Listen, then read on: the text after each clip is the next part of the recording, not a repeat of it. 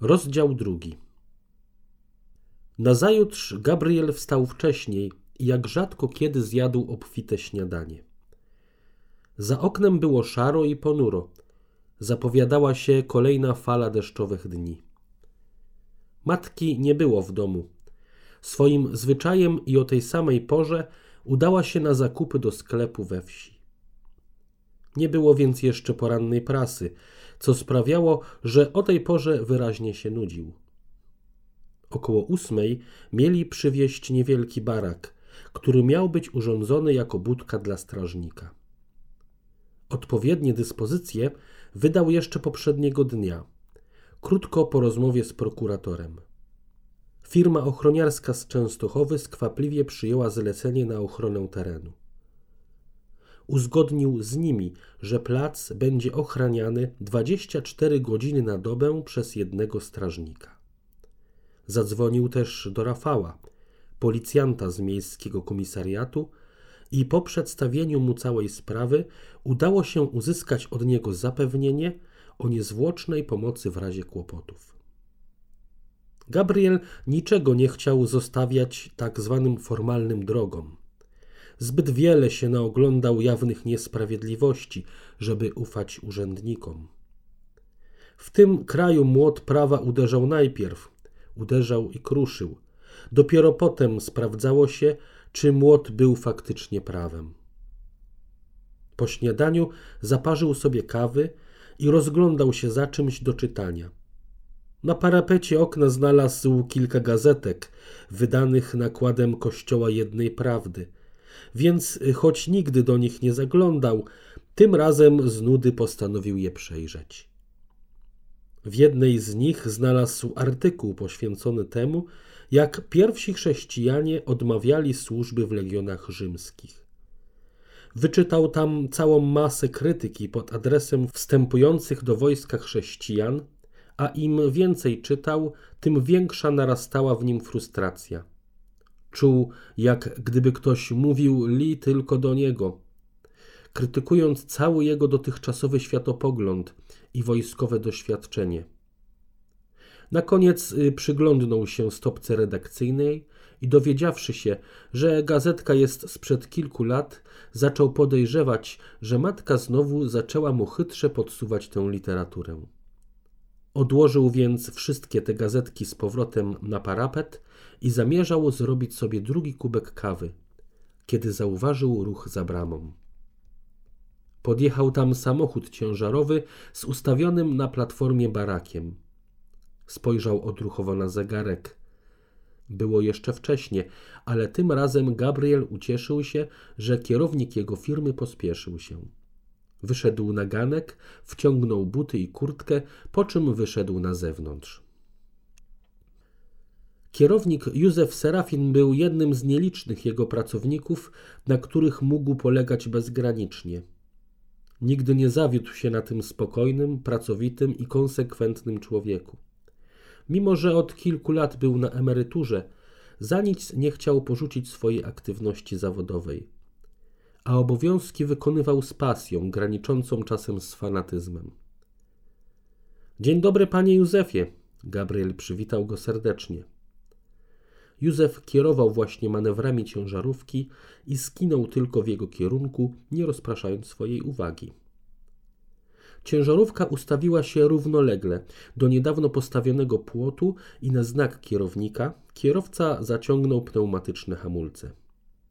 Panie szefie, Józef odezwał się do Gabriela. Trzeba będzie rozebrać dwa pola płotu i włożyć barak w to miejsce. A spasuje dokładnie? zapytał Gabriel. Nie, ale potem dotniemy jedno przęsło, tak że szpary nie będzie, odparł kierownik. Panie Jusku, pan wie, że ja zawsze na panu polegam, powiedział szczerze Gabriel i poklepał go po plecach. Macie tu trochę roboty z tym, a około dziewiątej przyjedzie ochroniarz. Tak było umówione. Niech się pan nie martwi. O dziewiątej będzie wszystko podłączone. Józef machnął ręką. Oto się nie martwię, Gabriel uśmiechnął się szeroko. Chodzi mi raczej o to, że ja mam sprawy do pozałatwiania i zaraz mnie tu nie będzie. Ochroniarz przyjedzie ze swoim menadżerem i przywiozą umowę. Czy ma pan ze sobą pieczątki? Tak jak pan prosił, potwierdził kierownik niechętnie. No to niech pan tam klepnie i podpisze tak jak ostatnio. Ja mogę klepnąć, ale nie lubię. Jak mnie pan ładuje w takie formalności, pan wie, ja jestem prosty. Wiem, Gabriel przerwał mu. Taki pan jest prosty, że nawet z tym sobie pan radzi lepiej niż ja. W razie wątpliwości, niech pan nie podpisuje i przegna ich na cztery wiatry, dobra? Kierownik potaknął milcząco, ale widać było, że nie był zachwycony nowymi obowiązkami. Gabriel podał mu rękę i powiedział na pożegnanie. W razie czego zna pan mój numer, niech pan dzwoni. Ja naprawdę muszę już jechać. Józef swoim zwyczajem nie tracił czasu i nie czekając na nic zajął się pracą przy ogrodzeniu. Gabriel z podziwem popatrzył na jego energiczne ruchy, ale również nie zwlekając odwrócił się na pięcie i skierował w stronę domu. Dwie godziny później zaparkował swoją Hondę CRV w Katowicach na placu przed Uniwersytetem Śląskim. Miałby dużą trudność ze znalezieniem miejsca na postawienie samochodu, lecz jego kalectwo miało ten plus, że mógł skorzystać z miejsca dla inwalidów. Na półce za przednią szybą umieścił swoją kartę parkingową dla niepełnosprawnych i wolnym krokiem ruszył w kierunku wejścia na uczelnię. O tej porze panował spory ruch i Gabriel musiał bardzo uważać, żeby nie zostać przewróconym przez jakiegoś zamyślonego studenta. Po wejściu do budynku zapytał portiera o drogę na Wydział Historii. Sędziwy staruszek w drewnianej dyżurce był nadzwyczaj uprzejmy i zaproponował nawet zaprowadzenie do samych drzwi dziekanatu. Gabriel podziękował serdecznie za pomoc i przekonał go, że trafi tam sam. Po drodze zaczepił jeszcze jakiegoś długowłosego studenta i zapytał o zakład historii starożytnej. Dotarł w końcu do obitych boazerią drzwi zakładu i bez namysłu wszedł do środka. Pomieszczenie wewnątrz było sekretariatem, w którym przestrzeń biurową oddzielała masywna lada, która miała, zdaje się, za zadanie powstrzymać szarżę każdego wściekłego studenta. Podszedł do niej, przywitał się głośnym dzień dobry i poczekał, aż zajęte telefonami sekretarki zwrócą na niego uwagę. Słucham pana. Kobieta w średnim wieku wreszcie podniosła na niego wzrok z nad słuchawki. Na targu staroci sprzedano mi blaszkę, taką blaszkę z płaskorzeźbą i mówili, że jest bardzo stara. Chciałbym potwierdzić u specjalisty, no wie pani, jakiegoś profesora. My się takimi rzeczami nie zajmujemy, odburknęła kobieta. Ale może niech pani zapyta profesora, bo jeśli jest cenna, to ona powinna być w muzeum. Dlatego ją odkupiłem bo jakby ktoś kupił tylko dla siebie, y, to co z naszym dziedzictwem, z naszą historią? Umyślnie grał dobrodusznego prostaka. Ale im dłużej mówił, tym bardziej wyraz twarzy sekretarki przybierał złowrogi wyraz. Proszę pana, ja już mówiłam, powiedziała dobitnie, a w jej głosie zawisła groźba. Ale czy ja mówię po chińsku? Kobieta podniosła głos, a druga kobieta siedząca przy biurku obok parsknęła nagłym śmiechem. Gabriel chciał jeszcze raz powtórzyć prośbę, ale w tym momencie drzwi przyległego gabinetu otworzyły się i wyszedł z nich mężczyzna w koszuli i eleganckim swetrze. Miał wygląd inteligenta i Gabriel domyślił się, że musi to być kierownik zakładu historii starożytnej. Spojrzał na Gabriela złym wzrokiem, po czym odezwał się nieprzyjemnie. Czego pan chce? Więc mam taką blaszkę. Gabriel sięgnął do wewnętrznej kieszeni kurtki i wydobył z nich wyciętą na szpic metalową blaszkę. No i co z tego? Mężczyzna nawet nie spojrzał na przedmiot. No więc y, chciałbym. Gabriel udał zbitego stropu. No wie pan profesor, do analizy. Proszę stąd natychmiast wyjść. Profesor najwyraźniej nie był ani trochę zainteresowany blaszką. Gabriel zrobił urażoną minę i posłusznie schował przedmiot z powrotem do kieszeni. No wie pan, wymamrotał pod nosem, odwrócił się w stronę drzwi i wyszedł na korytarz. Był już na schodach prowadzących w dół, kiedy usłyszał za sobą czyjeś szybkie kroki. Odwrócił się i przezornie przytrzymał poręczy, aby nie dać się staranować. Młoda kobieta o długich, kręconych blond włosach omal tego nie zrobiła. Przepraszam, wysapała po tym, jak ledwo uniknęła zderzenia. Uśmiechnął się do niej serdecznie i poprawiwszy chwyt na rękojeści kuli, zamierzał iść dalej. Ja właśnie pana gonię, powiedziała niespodziewanie. Mnie? Zdziwił się. Byłam w pokoju kierownika, kiedy pan pokazywał blaszkę, wyjaśniła. Niech mi ją pan pokaże. A kim pani jest? Popatrzył na nią podejrzliwie. Ach, przepraszam, jestem Klaudia Nikiel. Chrząknęła cicho i uzupełniła. Doktor Klaudia Nikiel. Jest pani archeologiem? spytał ją uprzejmie. Tak, choć tutaj właściwie nie ma to znaczenia. Tutaj jestem tylko adiunktem. Wyciągnął z kieszeni blaszkę i podał jej. Obracała ją przez chwilę w palcach, jakby ważąc w myślach to, co ma mu powiedzieć. Przykro mi, powiedziała po chwili smutno. Ile pan za to zapłacił? Pięćset złotych. Skrzywiła się i oznajmiła delikatnie. Oszukano pana. Ten przedmiot jest bezwartościowy i zapewnie powstał w celu nabrania kogoś takiego jak pan. Kogoś takiego jak ja? Co pani ma na myśli? Zmarszczył brwi i popatrzył na nią z udawaną złością. Nie miałam nic złego na myśli, powiedziała do niego i podeszła jeszcze bliżej. Niech pan się przyjrzy temu, rzekła i podsunęła mu blaszkę pod sam nos. Stała teraz tak blisko, że nieomal czuł ciepło jej ciała i delikatny zapach kwiatowych perfum. Widzi pan te zadziory na brzegach? Przesunęła powoli paznokciem po krawędzi blaszki. Przytaknął, a ona kontynuowała. To jest zrobione na jakiejś prasie, pewnie w czyimś garażu albo nawet w Chinach. A ta postać na reliefie faktycznie wygląda na starożytną. Ubiór świadczy o kulturze Mezopotamii, a litery na brzegach metalu to nieudolna imitacja runów germańskich. Zapewnie z jakiejś książki z gatunku fantasty. Poza tym, co jest w sumie najważniejsze, ta blacha to stal. Stali nie potrafiono wytwarzać wcześniej niż u schyłku średniowiecza. Aha, dziękuję, uśmiechnął się do niej. Nie jest pan zawiedziony? Przyjrzała mu się uważnie. Nie, odparł szczerze. Wiedziałem, że to imitacja. Nie rozumiem.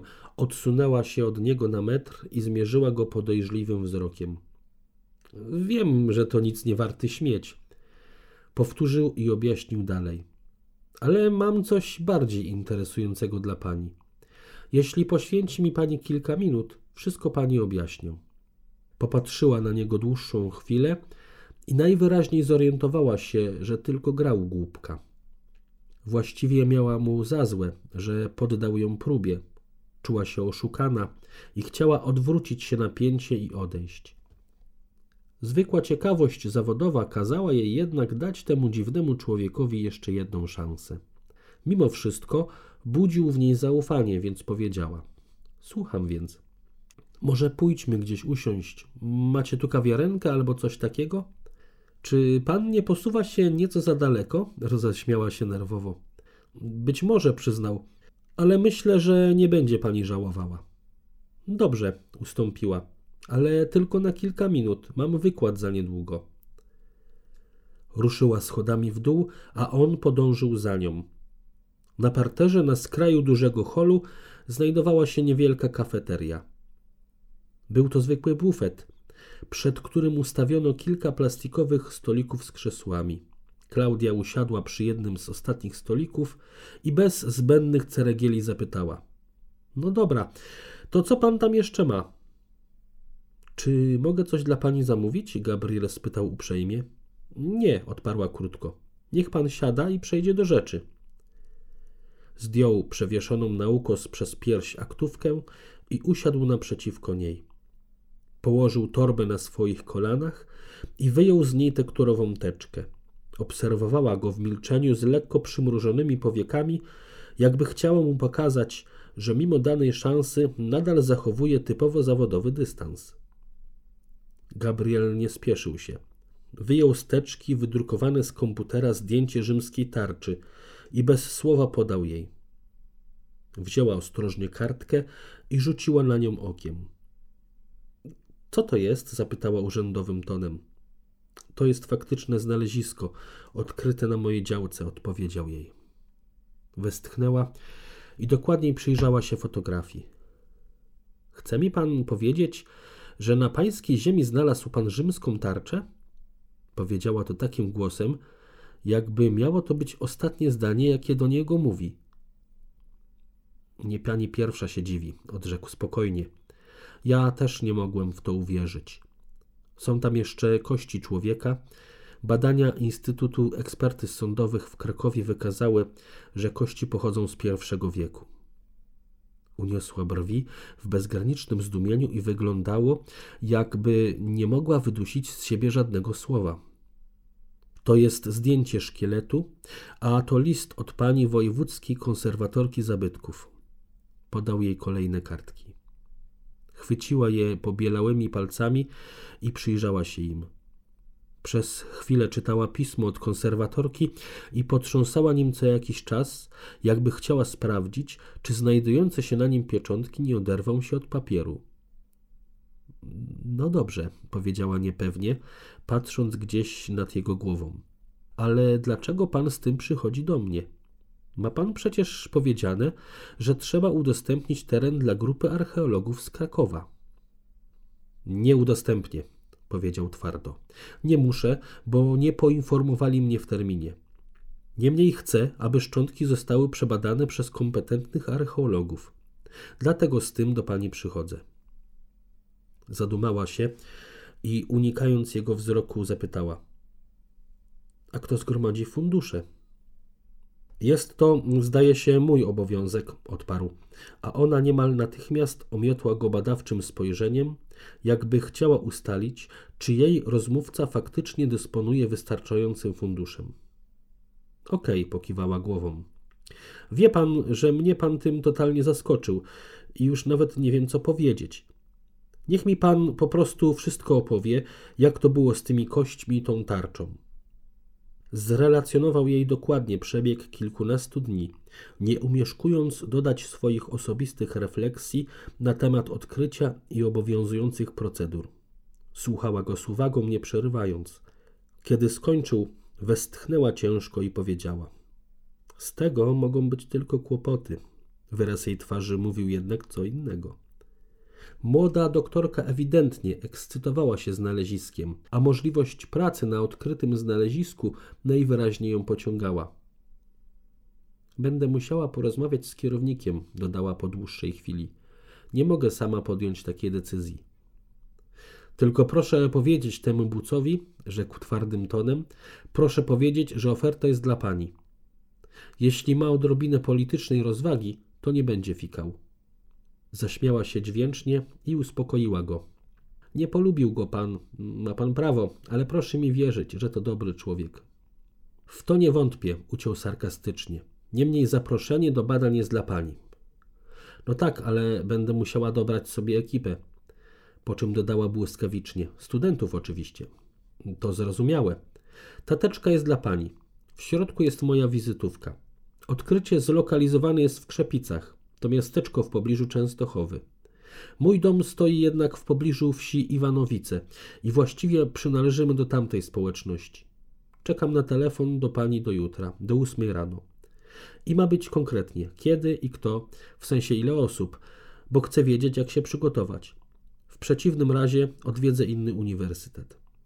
Podał jej teczkę i wstał z krzesła. Wyciągnął do niej dłoń, wstała również i uścisnęła ją. Pożegnał się szybko i ruszył w kierunku wyjścia. Patrzyła za nim, dopóki nie zniknął za szklanymi drzwiami. Wtedy usiadła ponownie i dokładnie przeglądnęła zawartość teczki i kryjąc twarz w dłoniach zamyśliła się. Ten człowiek budził w niej mieszane uczucia. Właściwie nie podobał jej się ani trochę. Bił od niego głęboki chłód i zachowywał się jak jej szef albo ojciec, ma być konkretnie, co to zagadka. A jeśli okaże się, że znalezisko jest szytą grubymi nićmi mistyfikacją? Może ten człowiek chce ich do czegoś wykorzystać. Tak czy inaczej wiedziała, że nigdy nie wybaczyłaby sobie, gdyby nie spróbowała. Następnego ranka też obudził się wcześniej. Miał dużo do zrobienia i czuł się napełniony energią, jakiej od dawna nie miał do niczego. Niemal duszkiem wypił kubek gorącej kawy i czym prędzej wyszedł z domu. Udał się bezpośrednio na plac budowy. Poranek był nieco mroźny, ale słońce świeciło już wysoko i czuł, że do południa się ociepli.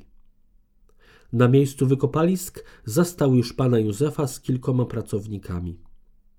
Zdążyli ustawić sześć kontenerów przy płocie, które miały posłużyć jako baza mieszkalna dla archeologów. Wszystkie były białe, zbudowane z drewna i płyt gipsowych. Wyglądały solidnie i przytulnie. Cztery z nich były barakami mieszkalnymi, jeden przeznaczony był na coś w rodzaju biuro świetlice, zaś ostatni był stołówką. Wedle ustaleń poczynionych z dr Klaudią, miała przyjechać dzisiaj wraz z trzema asystentami i do południa wszystko miało być gotowe. Brygada kończyła właśnie instalować przewody elektryczne i zapowiadało się, że nie będzie żadnych opóźnień. Nalaliście wody do zbiorników? zapytał Gabriel kierownika. Jeszcze nie, szefie. Jak e, zrobimy prąd w budkach i wszystko będzie działało, wtedy nalejemy, odpowiedział Józef. Jasne, przytaknął Gabriel. A tak w ogóle to kto będzie obsługiwał to zaplecze? zapytał kierownik niespodziewanie. To nie jest duża działka blisko mojego domu, więc ja sam mogę się tym zajmować, odpowiedział Gabriel niepewnie. Józef spojrzał na niego krytycznie, na jego kulę i powiedział delikatnie: To trochę będzie wymagać pracy, bo wodę ze zbiorników średnio co dwa dni trzeba nalewać. Toalety są chemiczne, więc trzeba wywozić do utylizacji. Poza tym, co jeszcze? Paliwo w agregatach i sprzątanie? Dobrze, powiedział Gabriel. Ja wiem, że pan zawsze wszystko zorganizuje. Niech pan powie, co według pana trzeba zrobić. Więc tak, zaczął Józef zadowolony z tego, że może się wykazać. Normalnie najpierw trzeba by wszystko tutaj wykosić. Nie mówię o drzewkach, ale te trawsko bezwzględnie. Potem trzeba by wytyczyć drogę dla traktora. Dla traktora? A po co? No, trzeba dwie przyczepy, znaczy się te cysterny postawić przy barakach. Jedną na wodę pitną, drugą na odpady. Raz na jakiś czas trzeba wywozić odpady i przywozić wodę. Tu mają wykopaliska, więc trzeba jasno wytyczyć drogę, po której porusza się traktor. Gabriel zagwizdał z podziwem, a Józef ciągnął. Pewnie będzie trzeba pociągnąć oświetlenie na wykop. Mamy za sobą lampy z własnymi agregatami. Dają bardzo dużo światła. Zauważyłem, że w dziurze gromadzi się woda. Trzeba im będzie jakąś pompę zapewnić i przewód wodny, tylko ja się nie znam na wykopaliskach i nie wiem, czy tę wodę można tak do lasu. Przecież to zwykła deszczówka, przerwał mu Gabriel. Ale może coś drobnego wyciągnąć, coś istotnego? No nie wiem, mówię, że się nie znam. Trzeba będzie dopytać profesorkę. Potem jeszcze kwestia tego namiotu, co pan kazał zrobić nad szkieletem. Jest duży, ale pewnie będą chcieli kopać dalej, więc trzeba chyba będzie zamówić taki cyrkowy. Józef zachichotał, chyba po raz pierwszy, odkąd Gabriel go zatrudnił. Najwyraźniej kierownikowi bardzo przypadło do gustu to zlecenie. Wie pan co, panie Józefie? Gabriel odczytał intencje kierownika i postanowił wyjść im naprzeciw. Widzę, że pan by się tu świetnie nadał. Co pan ma teraz do roboty? No wie szef, uśmiechnął się Józef pod wąsem. Budowy stanęły na zimę. Mamy tylko dwa wąskie zlecenia w Kaliszu i Rybniku. Nic, co by wymagało stałego nadzoru. To znaczy, że chce pan tu pomóc? zapytał Gabriel Besogródek. Jak pomóc? Ta praca przecież jest za pieniądze? zapytał Józef podejrzliwie. Oczywiście, że praca, uspokoił go Gabriel. Pytam, bo nie chcę wprowadzać panu fermentu. Żaden ferment, ucieszył się Józef. Ja tutaj wszystko dopnę, a szef niech się tylko zajmie tymi cholernymi papierkami. Gabriel kiwnął głową i stwierdził, że najlepiej będzie, kiedy zostawi te wszystkie sprawy Józefowi. Wycofał się taktycznie do kontenera stołówki i tam usiadł przy jednym ze stolików. Budka była solidnie wyziębiona i Gabriel zastanawiał się, jak dużo czasu upłynie, zanim wnętrze nagrzeje się na tyle, żeby badacze nie dostali zapalenia płuc. Po może kilkunastu minutach zabuczały wreszcie elektryczne grzejniki i ciepłe powietrze zaczęło wypełniać pomieszczenie. Już po kolejnych kilku minutach Gabriel musiał zdjąć kurtkę, bo czuł, że zaczyna się pocić. Musiał przyznać, że choć prowadził firmę od trzech lat, nigdy na własne oczy nie widział, jak to wszystko prosperuje. Drzwi do baraku otworzyły się i pracownicy zaczęli wnosić do środka sprzęty. Był to dystrybutor wody mineralnej, duży ekspres ciśnieniowy do parzenia kawy, czajnik bezprzewodowy oraz liczne paczki kaw, herbat, jednorazowych kubków i plastikowych sztućców. Pracownicy przed ustawieniem i poukładaniem wszystkiego wymyli dokładnie szafki i blaty, po czym na jego oczach prosty barak zmienił się w przytulną kawiarenkę. To wszystko bardzo ucieszyło Gabriela i zaczynał naprawdę doceniać to, do czego jego firma była powołana. Wszystkie te rzeczy widział jak dotąd tylko jako zestawienia faktur do zapłaty. Napije się pan kawy, szefie? zapytał go młody chłopak w roboczym ubraniu. Czemu nie? Parzoną, ucieszył się Gabriel. Wszyscy zróbcie sobie przerwę i siadajcie na kawę. Nie teraz, Józef stanął w drzwiach. My się napijemy, jak już się odrobimy. Gabriel nie protestował. Kierownik bez dwóch zdań wiedział lepiej od niego, jak radzić sobie z robotą. Chłopak szybko przyrządził mu kawę i zniknął za drzwiami. Tym razem Gabriel delektował się smakiem czarnego naparu. Odnosił dziwne wrażenie, że właśnie tutaj i tylko tutaj jest u siebie i nigdzie mu się nie spieszy. Badacze przyjechali krótko po południu. Zgodnie z ustaleniami było ich czworo. Prowadziła ich oczywiście doktor Klaudia Nikiel, z którą Gabriel rozmawiał na uniwersytecie. Towarzyszyło jej troje młodych ludzi. Jak się domyślał, byli to zaanonsowani wcześniej studenci.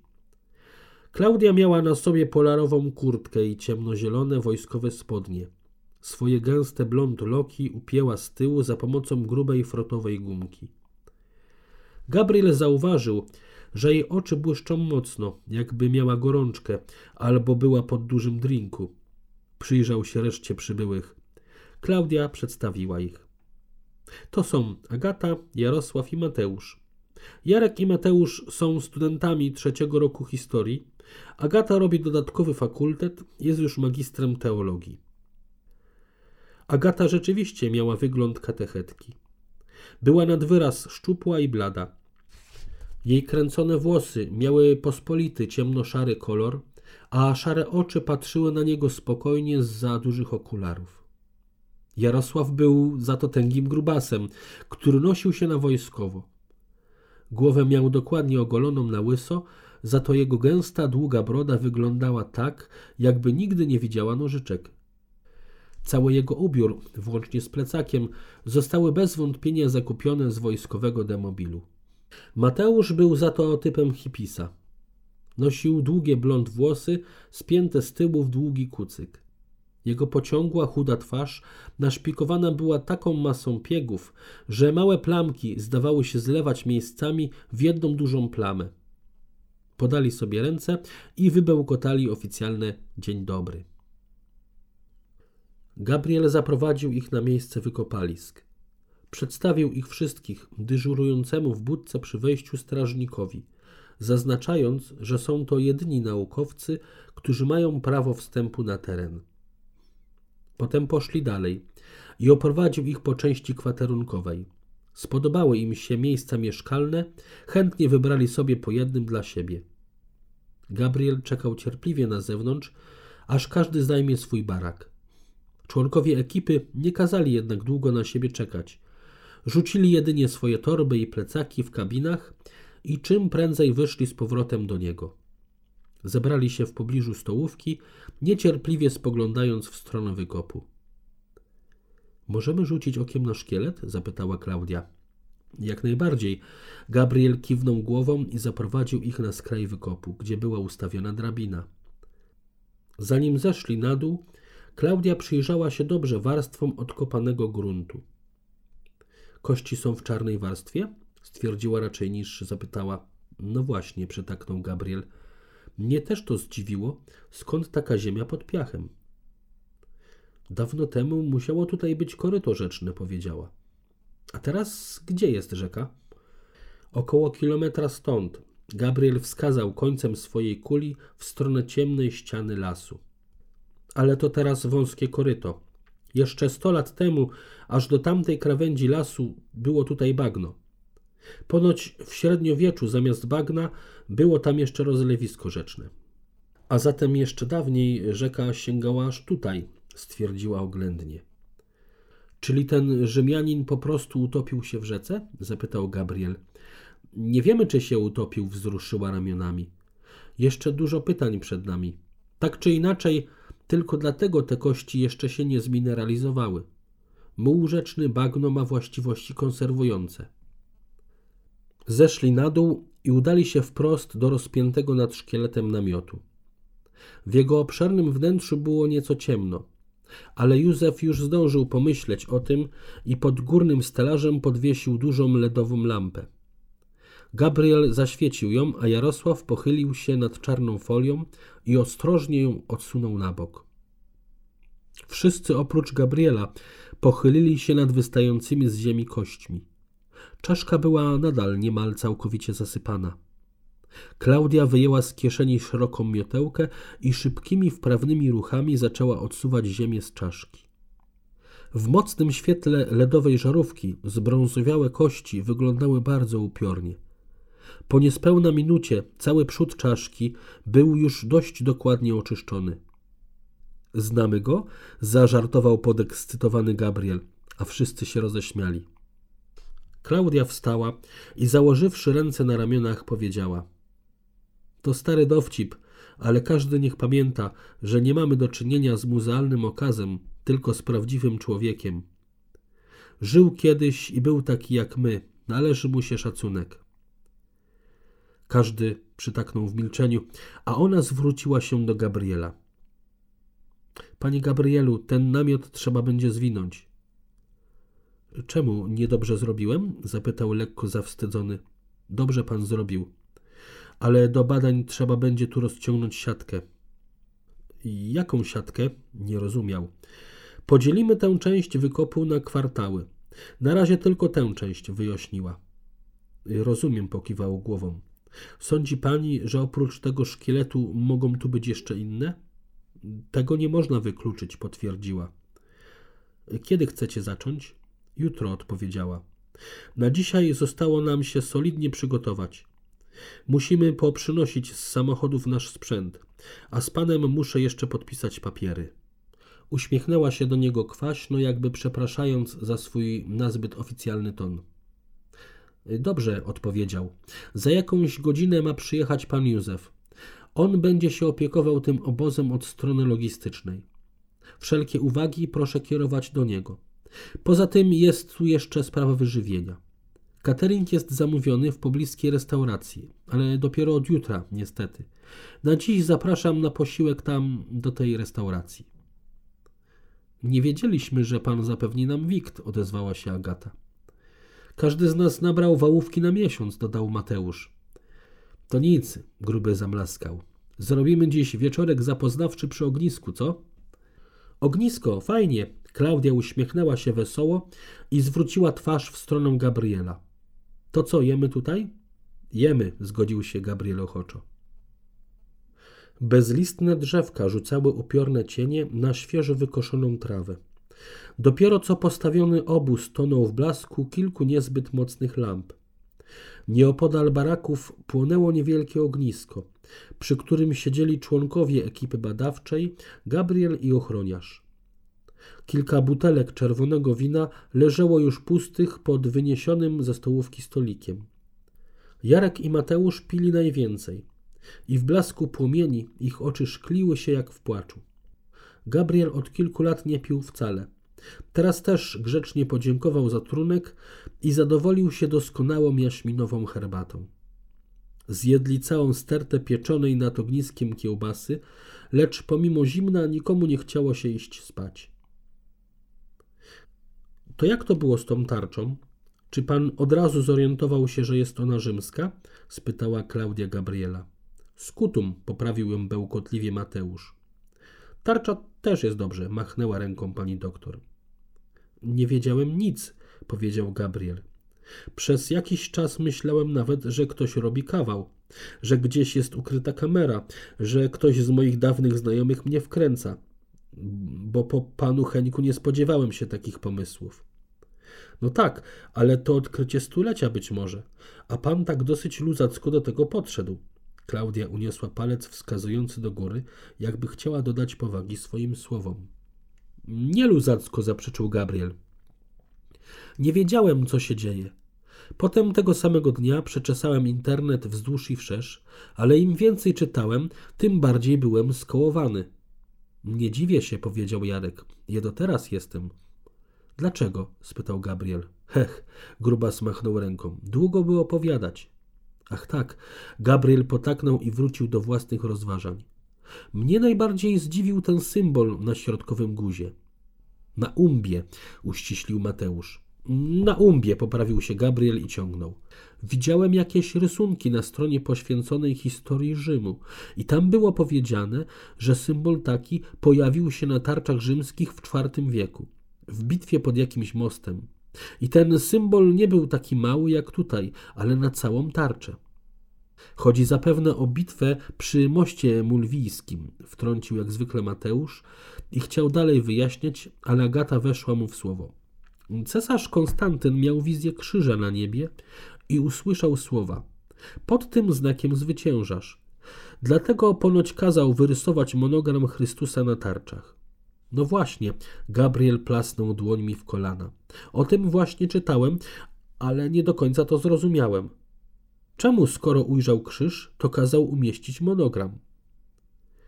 Być może nie było żadnego krzyża ani monogramu, odezwała się Klaudia. Niektórzy krytycy uważają, a jest ich liczne grono, że był to zwykły symbol solarny, sześcioramienna gwiazda. To nie tak, Agata pokręciła głową. Krytycy zapominają, że Konstantyn istotnie wydobył chrześcijaństwo z podziemia. Wygląda na to, że faktycznie uważał, że coś mu zawdzięcza. A czemu monogram zamiast krzyża? Według mnie sprawa jest prostsza niż nam się wydaje. Otóż dzisiejsi czytelnicy czy badacze często zachowują się tak, jakby pierwsze udokumentowane pojawienie się jakiegoś symbolu było równoznaczne z jego powstaniem. A to nie tak. Zapewne od zarania chrześcijaństwa istniało kilka symboli chrześcijańskich: monogram, ryba, istniał też krzyż, choć nie cieszył się powszechną aprobatą. A to ze względu na to, że nadal było to narzędzie bolesnej i hańbiącej egzekucji. Konstantyn, jeśli widział rzeczywiście znak krzyża na niebie, zapewne od razu połapał się, że mówi do niego Bóg chrześcijan. I pomyślał sobie, pod znakiem tej religii tego Boga odniesie zwycięstwo. Nie chciał kazać swoim ludziom malować krzyży na tarczach, bo to był raczej zły omen.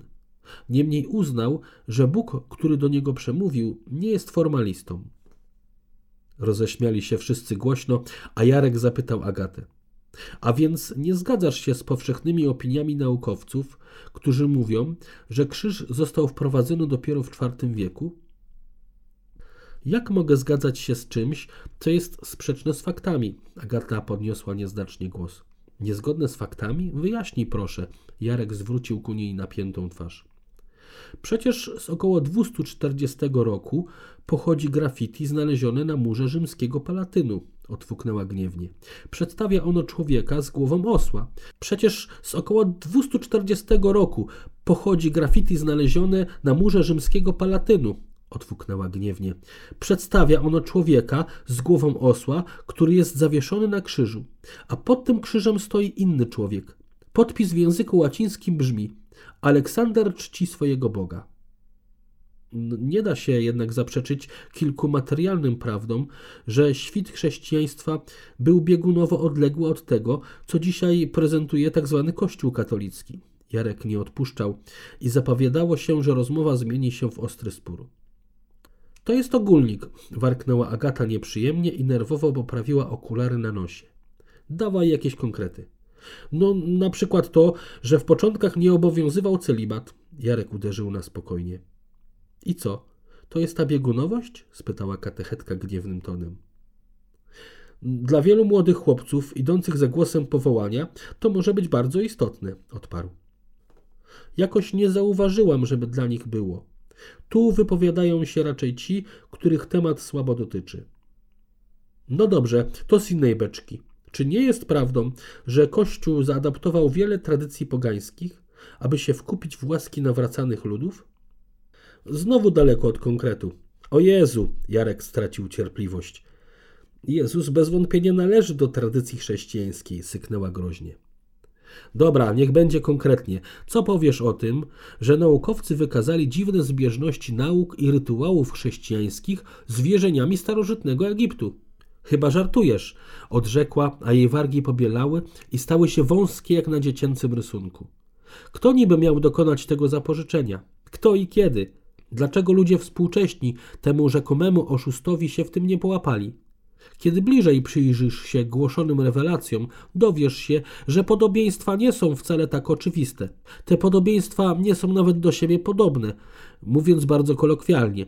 Jakiś podrzędny profesor, używając swojego tytułu jako autorytetu, wywołał burzę w szklance wody. Zamilkli nie tyle pod siłą mi argumentów, co widząc, że mocno się zjeżyła. Klaudia uspokoiła sytuację. Jest w tym jednak dużo prawdy że coraz mniej można polegać na opinii pracowników akademickich. I to jest przykre, bo zaufanie do naszej pracy to podstawa. Co masz na myśli? zapytał Mateusz. Hech. Wiecie, jakiś czas temu czytałam poważny artykuł naukowy właśnie o symbolice chrześcijańskiej. Artykuł był autorstwa znanej pani profesor z Warszawy, której nazwiska tu nie wymienię. Więc ona komentowała fakt umieszczania symbolu ryb na chrześcijańskich grobach w katakumbach. I co wymyśliła? Mateusz pociągnął ją za język. Że nie był to wcale symbol chrześcijański, jedynie informacja o tym, co uczestnicy pogrzebu zjedli na stypie. Tym razem wszyscy wybuchnęli gromkim śmiechem, a krótko potem ich śmiech przeszedł w głośny, histeryczny rechot. Śmiała się też do rozpuku także Agata którą historia o tej stypie najwyraźniej udobruchała w zupełności. Nie mogę! Jarek niemal tarzał się po trawie. Więc na moim grobie co będzie wyryte? Kiełbasa? Tak nas nieraz wkurza. Klaudia nachyliła się bliżej Gabriela i przekrzykując głośny śmiech zebranych, starała się mu wyjaśnić. Tak nas wkurza, kiedy starożytnych Rzymian traktuje się jak imbecyli. Gabriel zszedł wolno po drabinie na dno wykopu. Ciekaw był, co ważnego zostało odkryte, że Klaudia zdecydowała się go zawołać. Prace badawcze postępowały chyba bardzo szybko, gdyż jak zdążył zauważyć, znaczna część dna wykopu pokryta była siatką ze sznurka. Już z daleka zauważył, że szkielet został niemal całkowicie odsłonięty. Wszystko to zajęło im prawie trzy dni podczas których on starał się im nie przeszkadzać. Widok Klaudii czekającej na niego z założonymi na biodrach rękoma trochę go zaskoczył. Wyraz jej twarzy zapowiadał jakieś rewelacje. Ostrożnie, żeby nie przewrócić się o rozciągnięte sznurki, doszedł do niej i zapytał: Co się stało? Nic wielkiego, po prostu mamy tutaj chyba jakieś cmentarzysko, odpowiedziała. Czemu pan nie przychodził tu do nas? No, nie chciałem przeszkadzać, odparł unikając jej wzroku. To pan finansuje badania. Ma pan prawo wiedzieć, co odkrywamy, powiedziała i odwróciwszy się w stronę szkieletu, wróciła do poprzedniego wątku. Po pierwsze, tak jak pan przypuszczał, mamy tu do czynienia z Rzymianinem. Przykucnęła przy kościach i wskazała na znajdujące się na szkielecie resztki odzieży. Ubrany był bez wątpienia w rzymską tunikę. Potwierdza to materiał i splot włókien stosowany w dawnym imperium. Ponadto bransolety na nadgarstkach, rzymski naszyjnik i gemma. Gemma? Gabriel nie wiedział, co to takiego. To rodzaj dużego pierścienia wykonanego z kamieni szlachetnych. Służyły często jako amulety albo też jako pieczęcie. I gdzie to jest? Gabriel na próżno przyglądał się kościom, próbując wyszukać wzrokiem wymienione przedmioty. Mateusz pracuje nad nimi u siebie, oczyszcza je i kataloguje, wyjaśniła. Ale wspomniała pani coś o cmentarzysku, przypomniał sobie. A tak, omal nie klepnęła się dłonią w czoło. To właśnie tutaj odkrywamy następny szkielet. Ujęła go delikatnie za łokieć i poprowadziła dwa kroki dalej. Tutaj widzimy skórzany but i wystającą z niego kość. Wskazała miejsce w ziemi. Nachylił się i przyjrzał uważnie. Niespełna metr od okopanego już zupełnie szkieletu znajdował się rozlatujący skórzany trzewik i kość, jak przypuszczał Piszczelowa. Czyli tu był jakiś cmentarz, tak pani mówi? zapytał ją. To wykluczone, pokręciła głową. To nie są pochówki, to raczej wygląda na miejsce bitwy. Bitwy? zainteresował się Gabriel. Ktoś napadł na tych Rzymian? A czemu pani tak uważa? Jeszcze jedno mi wypadło z głowy, powiedziała. Znaleźliśmy miecz, rzymski miecz. On był tam. Wskazała palcem na odległe o kilka metrów miejsce. Tak jak mówiłam wcześniej, to miejsce było dnem rzeki. Ten Rzymianin tutaj nie utonął. Sądzę, że został wrzucony do rzeki, a raczej wrzucono już jego zwłoki. Czy na podstawie oględzin szkieletu możecie stwierdzić, jak zginął? zapytał ją jeszcze. Mateusz zwrócił uwagę na jego potrzaskany lewy obojczyk. To z pewnością było mocne uderzenie i powstało na moment przed zgonem. Czyli cios mieczem? Mateusz sądzi, że obrażenia są zbyt duże. Nawet pierwsze żebro nieco ucierpiało. Pochyliła się nad szkieletem i wskazała kawałkiem patyka na potrzaskane kości obojczyka. Co to więc mogło być? zapytał, przyglądając się dokładnie kościom. Mateusz sądzi, że jakiś duży bojowy topór. Topór? Ale to nie broń rzymska, dopytywał się. Nie. I to raczej nie dziwi, a wiele wyjaśnia, powiedziała z przekonaniem. Przecież ten Rzymianin zapuścił się daleko poza granice imperium. W tamtym okresie mieszkali tutaj Celtowie. A czemu pani mówi Rzymianin? Przecież wiemy, że było ich tutaj co najmniej dwóch. To mówiąc, wskazał na odkryty niedawno but. Bo tego jeszcze nie wiemy, czy ten drugi był Rzymianinem, powiedziała tajemniczo. Podejrzewacie, że nie był? Gabriel zrozumiał aluzję. But jest celtycki, ale to faktycznie jeszcze o niczym nie przesądza, objaśniła. Na tym etapie nie możemy po prostu niczego jeszcze wiedzieć. Jedno jeszcze przychodzi mi na myśl, Gabriel zastanowił się chwilę. A czy jeśli ci ludzie zginęli, powiedzmy w jakiejś zasadce czy bitwie, no i zostali pokonani, to czy napastnicy nie zabraliby ich rzeczy, na przykład tych bransolet albo pierścienia? Z pewnością by zabrali, przyznała Klaudia. Cóż, jeszcze dużo tu do odkrycia. Nie wątpię, zgodził się z nią, ale według mnie, jako dawnego wojskowego, ci ludzie uciekali po jakiejś potyczce, ugrzęzli w tym bagnie i potopili się. Nie wiedziałam, że był pan żołnierzem, przyjrzała mu się uważnie. Nie, no tak, nie mówiłem, odwrócił twarz nieco zawstydzony. A co pani sądzi o moim spostrzeżeniu? Nie byłoby to wcale głupie, przytaknęła. Niemniej odkryty przez nas miecz leżał za daleko od ciała. Wygląda na wrzucony do wody, ale jeszcze za wcześnie na wnioski. A gdzie są teraz wszyscy? zmienił temat. To pora obiadu, wzruszyła zabawnie ramionami. A tak, zapomniałem. Chciał jeszcze jakoś zażartować, ale spod bramy dał się słyszeć głośny rwetes. Odwrócił głowę w tamtą stronę, jednak z miejsca, w którym stał, niczego nie mógł dostrzec. Pokuśtykał tak szybko, jak mógł w stronę drabiny i wspiął się z powrotem na powierzchnię. Jeszcze stojąc na przedostatnim szczeblu, uzmysłowił sobie, kto się awanturuje przy wejściu na plac. Bez trudu rozpoznał głos pani konserwator. Skierował się więc pospiesznie w stronę, z której dochodziły wrzaski. Pani konserwator najwyraźniej usiłowała wejść na teren wykopalisk, ale ochroniarz stanowczo odmawiał otwarcia bramy. Gabriel podszedł do nich, a kiedy wreszcie zwrócili na niego uwagę, ucichli jak na komendę. Dzień dobry, rzekł oschle, ale nikt mu nie odpowiedział. W powietrzu nadal dało się wyczuć nerwowe napięcie. Co się tu dzieje? zapytał ochroniarza. Ci państwo chcą wejść tutaj, a pan mówił, żeby nikogo nie wpuszczać, usprawiedliwiał się tęgi wąsaty ochroniarz. Próbuję do pana dzwonić na komórkę, ale pan nie odbiera. Zostawiłem w domu, wyjaśnił krótko i wrócił do stojącej za bramą konserwator. Czego pani tutaj szuka? Wysłałam pismo do prokuratora, że przejmujemy nadzór nad znaleziskiem, odezwała się groźnie. A teraz niech mi pan wyjaśni, co się tutaj dzieje. Już pani tłumaczę. Gabriel silił się na spokojny ton. Prokurator nie jest właścicielem tej posesji, a pani miała dokładnie pięć dni na podjęcie decyzji w sprawie prowadzenia wykopalisk. Co? wrzasnęła z zakrat ogrodzenia. Jaja pan sobie robi? A gdzie tam? Gabriel nie tracił rezonu. Wyjaśniłem pani dość wyraźnie i w prostych słowach, że nie ma pani więcej władzy nad tymi wykopaliskami. Której literki pani nie zrozumiała? Ale ja już wszystko zaplanowałam. Jest ze mną profesor Trąbiński z Uniwersytetu Jagiellońskiego. Odsunęło się nieznacznie i Gabriel ujrzał w całej krasie stojącego za nią grubasa. To pan jest tym specem od rzymskich tarcz? Zakpił Gabriel. Tak, to ja.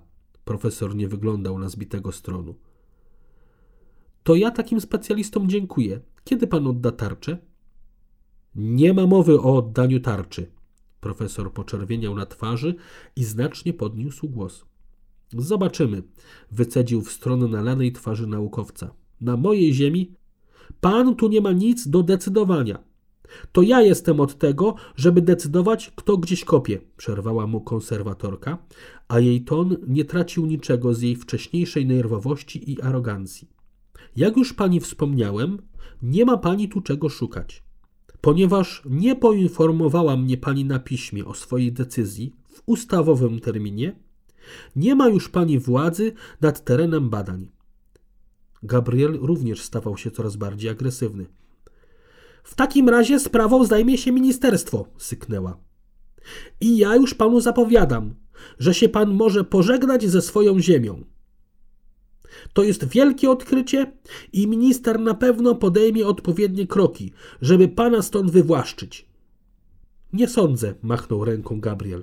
W resorcie bieda, kasy jak na lekarstwo, a tu przecież mamy profesjonalną ekipę, pracującą na mój koszt. Po co miałby mnie wywłaszczać? Co? Zdziwiła się. Kto tutaj kopie?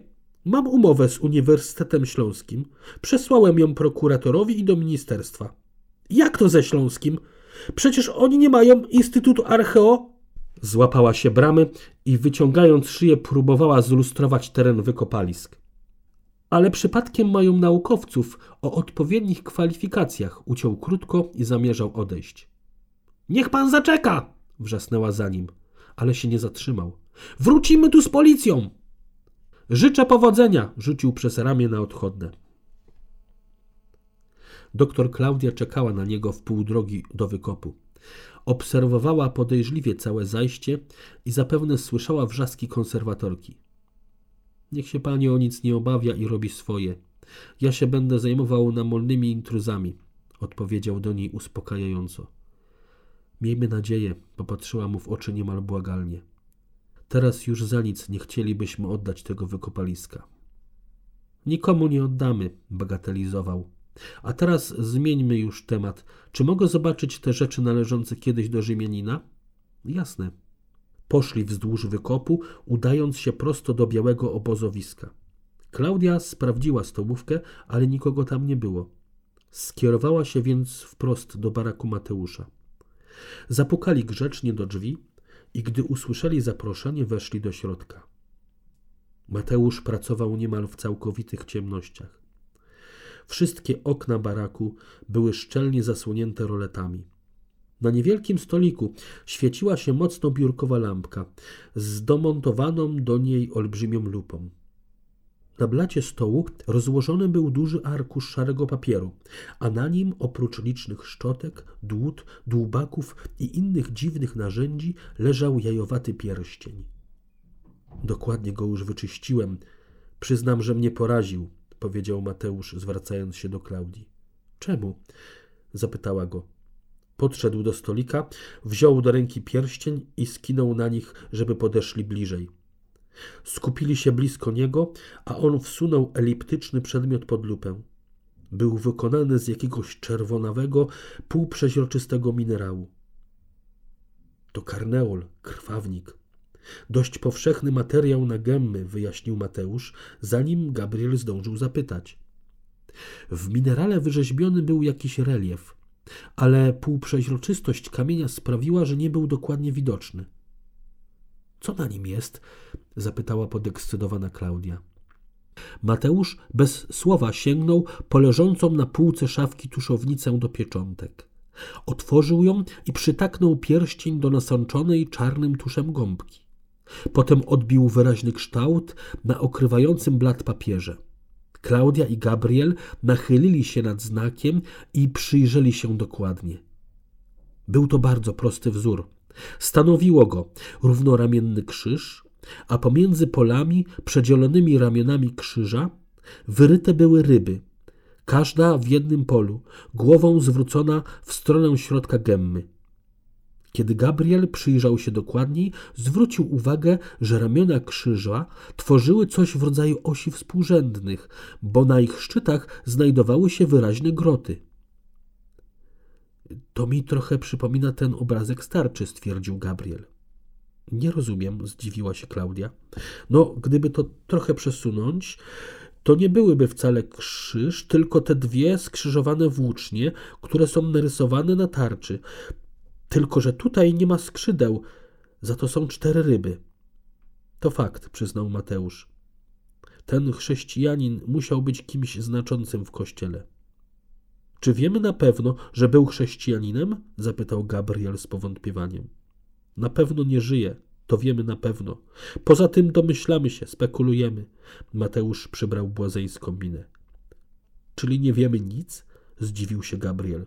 Nie wiemy, ale się dowiemy. Klaudia w przypływie podniecenia złapała go za rękę. A mogę zobaczyć ten miecz i inne ozdoby? zapytał Gabriel. Jasne. Mateusz dokładnie wytarł pierścień filcową nasączoną spirytusem szmatką i włożył go do wyłożonego miękką wyściółką pudełka. Z wyścielonej lnianym ręcznikiem szuflady wydobył niewielki, około półmetrowy miecz. Gladius, obwieścił uroczystym tonem, niosąc miecz na otwartych dłoniach. Gabriel przyjrzał się uważnie, zafascynowany odkryciem. Rzeczywiście, broń wyglądała, jakby była żywcem wyjęta z dłoni filmowego gladiatora. Krótkie ramiona jelców, cienka rękojeść i nieproporcjonalnie wielka gałka na końcu uchwytów. To musiał być rzymski miecz. Mateusz położył go na stole i mocne światło lampy odbiło się przygaszonymi iskierkami spod grubej warstwy rdzy. Żelazo? zapytał Gabriel i nachylił się mocniej nad klingą. Tak, odparł krótko Mateusz. Gabriel przyjrzał się dokładnie sferycznej głowicy. Był na niej wyryty malutkimi literami jakiś napis. Quid est veritas, odczytał głośno Mateusz, zanim Gabriel zdążył zapytać. Czyli co? dopytywał się Gabriel. Czymże jest prawda? wyjaśniła Klaudia. Gdy Gabriel się już napatrzył, Mateusz z namaszczeniem odniósł miecz z powrotem do szafy i po chwili przyniósł dwie szerokie bransolety. Naszyjnika jeszcze nie oczyściłem, pokażę wam jak skończę, wyjaśnił kładąc na stół bransolety. Czy one są złote? Gabrielowi z trudem przyszło to zapytać, gdyż obawiał się, że zostanie wyśmiany. Tak, są złote, przyznał Mateusz. Niech pan zwróci uwagę na ten kunszt, na te zdobienia. Dzisiaj już się takich nie wyrabia. Gabriel był pod wrażeniem. Bransolety ważyły razem chyba z pół kilograma i były zdobione głębokimi, gęstymi grawerami w kwieciste wzory. Więc jednak macie rację. To musiał być ktoś znaczący, zgadywał Gabriel. Na to wygląda, zgodziła się z nim Klaudia. Czyli kto by mógł to być? Nagabywał dalej Gabriel. Nie wiadomo, westchnęła ciężko. Na tym etapie naprawdę nie wiadomo. Pobraliśmy jeden ząb z tych dwóch, które pozostały w żuchwie i jutro wyślę go do analizy. Badanie szkliwa udzieli nam informacji, skąd pochodził. Był chyba Rzymianinem, to już ustaliliśmy. Chcecie to tylko potwierdzić? Gabriel popatrzył na nich podejrzliwie. Imperium Rzymskie, westchnął Mateusz, to obszar Europy, Afryki i Azji. Ludy zamieszkujące taki na przykład obszar Grecji czy Turcji były bardzo europejskie wtedy. Taki przynajmniej mieli wygląd. Niemniej ziemia, klimat, wszystko to zostawia na człowieku swoje piętno. Po setkach albo tysiącach lat wystarczy tylko odkryć to piętno. Wiemy chociaż ile miał lat? zapytał jeszcze Gabriel. To możemy po stanie uzębienia stawów i chrząstek, powiedziała Klaudia. I? Miał około siedemdziesięciu lat, powiedziała patrząc w podłogę. Żarty sobie robicie? Zaśmiał się Gabriel na głos. Taki staruszek? Co tutaj robił? To faktycznie dziwne, przyznał Mateusz. Ale nie mniej dziwne niż sama jego obecność tutaj, Rzymianina, w tych stronach. I tak się obawiam, że to jeszcze nie koniec dziwów w tej sprawie. Też odnoszę takie wrażenie, potaknęła Klaudia. Gabriel był jak na razie syty wrażeń. Czuł się tak, jakby starożytna historia wtargnęła w jego życie gwałtem tylko po to, żeby go otumanić i przerosnąć. Od zawsze był zbyt pragmatyczny, żeby interesować się tym, co dawno minęło. W szkole z historii był niemal najgorszy w klasie. Teraz jednak dotknął czegoś sam. Właściwie miał wrażenie, że raczej to coś dotknęło jego. Coś albo ktoś. Jakiś bezimienny trup w jego sadzie, zabity przed wiekami, zdawał się wołać go bezzębnymi ustami, prosić o modlitwę albo pomstę. Napili się jeszcze razem herbaty, długo rozmawiając o historii. Gabriel raczej słuchał, starał się nadrobić swoje braki, chociażby z elementarnej wiedzy o minionych epokach. Kiedy pożegnał się z nimi i wyszedł na zewnątrz, już się ściemniało. Nie spiesząc się wrócił do domu i pomaszerował do siebie na górę. Z kuchni dochodziły przyciszone głosy rozmowy, ale nie miał ochoty na zaczepki starszych zboru. Był już solidnie głodny, ale postanowił poczekać z kolacją, aż goście sobie pójdą. Wszedł do swojego pokoju i od razu zdał sobie sprawę z tego, że coś jest nie tak. Krzesło przy biurku było starannie zasunięte, co nigdy mu się nie zdarzało. Podpierając się kulą przy wstawaniu z krzesła, nigdy nie zawracał sobie głowy jego zasunięciem. Matka miała zakaz sprzątania w jego pokoju po tym, jak w przypływie religijnego fanatyzmu wyrzuciła na śmieci figurkę Matki Bożej. On sam nie był nigdy religijny, niemniej jednak nienawidził, gdy ktoś decydował, co zrobić z tym, co należało do niego. Poza tym figurka była pamiątką po zmarłej babci, którą tak mile wspominał. Zatem matka szperała w jego rzeczach. Podszedł do biurka i domyślił się, co było przedmiotem jej zainteresowania. Biała tekturowa teczka, w której trzymał wszystkie papiery dotyczące wykopalisk, leżała odwrócona na wznak. Zapamiętał pozycję, w jakiej ją zostawił, bo przed wyjściem opisywał flamastrem jej wierzch i zostawił ją tak do wyschnięcia. Zatem matka przetrząsała teczkę z informacjami o wykopaliskach. Czemu? Po co miałoby ją to interesować? Wzdrygnął się, kiedy przyszło mu na myśl, że to któryś z jej gości grzebał w jego rzeczach. Sądził jednak, że matka nie miałaby aż na tyle tupetu, żeby wpuszczać do jego pokoju kogokolwiek obcego. Podejrzewał jednak, że to właśnie któryś z jej gości ją podpuścił. Mata Harry z Bożej łaski syknął pod nosem i zaczął wygrażać pięścią w stronę zamkniętych drzwi. Sprawdził jeszcze zawartość teczki i upewniwszy się, że nic nie zginęło, postanowił ustawić czoła religijnym szpiclom. Zszedł na dół i otworzywszy drzwi kuchenne, swoim starym żołnierskim nawykiem czujnie zlustrował wnętrze pomieszczenia. Matka, jej dwie przyjaciółki i pan Zygmunt siedzieli przy kuchennym stole. Zamilkli na jego widok i uważnie mu się przyglądali. Przywitał ich grzecznie i powoli wszedł do środka. Matka wstała od stołu i powiedziała usłusznie. No, czekałam z kolacją, ale cię nie było. Parówki są chyba jeszcze ciepłe. Nałożę ci i zaniosę do pokoju. Nie, nie, wtrącił Zygmunt. Przecież pan Gabriel może zjeść z nami tu, przy stole. To mówiąc, przysunął do stołu stojące pod ścianą krzesło i gestem zaprosił Gabriela, żeby usiadł. Gabriel podziękował uprzejmie i usiadł do stołu. Matka podała mu talerz z parującymi kiełbaskami, chleb i sos pomidorowy. Jak idą prace wykopaliskowe? zaczął ostrożnie Zygmunt. Rozwojowo. Gabriel pokiwał głową i spojrzał na niego uważnie spod półprzymkniętych powiek. Domyślam się, Zygmunt wyraźnie szukał jakiegoś dobrego punktu zaczepienia do dłuższej rozmowy. Ale Gabriel nie zamierzał mu niczego ułatwiać. Bo wie pan, Zygmunt bawił się bezmyślnie pustą szklanką. U nas w zborze mocno komentuje się to znalezisko. Tak? Gabriel uniósł brwi, nie przerywając nakładania sosu na talerz.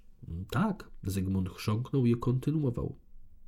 Pan jest niewierzący, więc pewnie nie zdaje sobie pan sprawy, że takie odkrycie może mieć wielką wagę dla całego świata. Skąd pan wie, że jestem niewierzący? zapytał go poważnie Gabriel. Y, źle się wyraziłem, speszył się nieco Zygmunt. Chodziło mi o to, że nie jest pan y, członkiem Kościoła Jedynej Prawdy, spytał Gabriel domyślnie. Nie, nie o to chodzi. Zygmunt nagle odzyskał animusz i jakby postanowiwszy grać w otwarte karty, powiedział do niego pewnym głosem. Niespecjalnie się pan udziela w sprawach wiary, niespecjalnie pan ma pojęcie, jaka gra toczy się wokół prawdy. Jaka gra? Gabriel nie rozumiał. Wie pan, są ludzie tak zwani ze świata i są ludzie Boga. Zygmunt przybrał ton profesorski. Od dwóch tysiącleci toczy się walka o to, żeby prawdziwa religia nigdy nie ujrzała światła dziennego.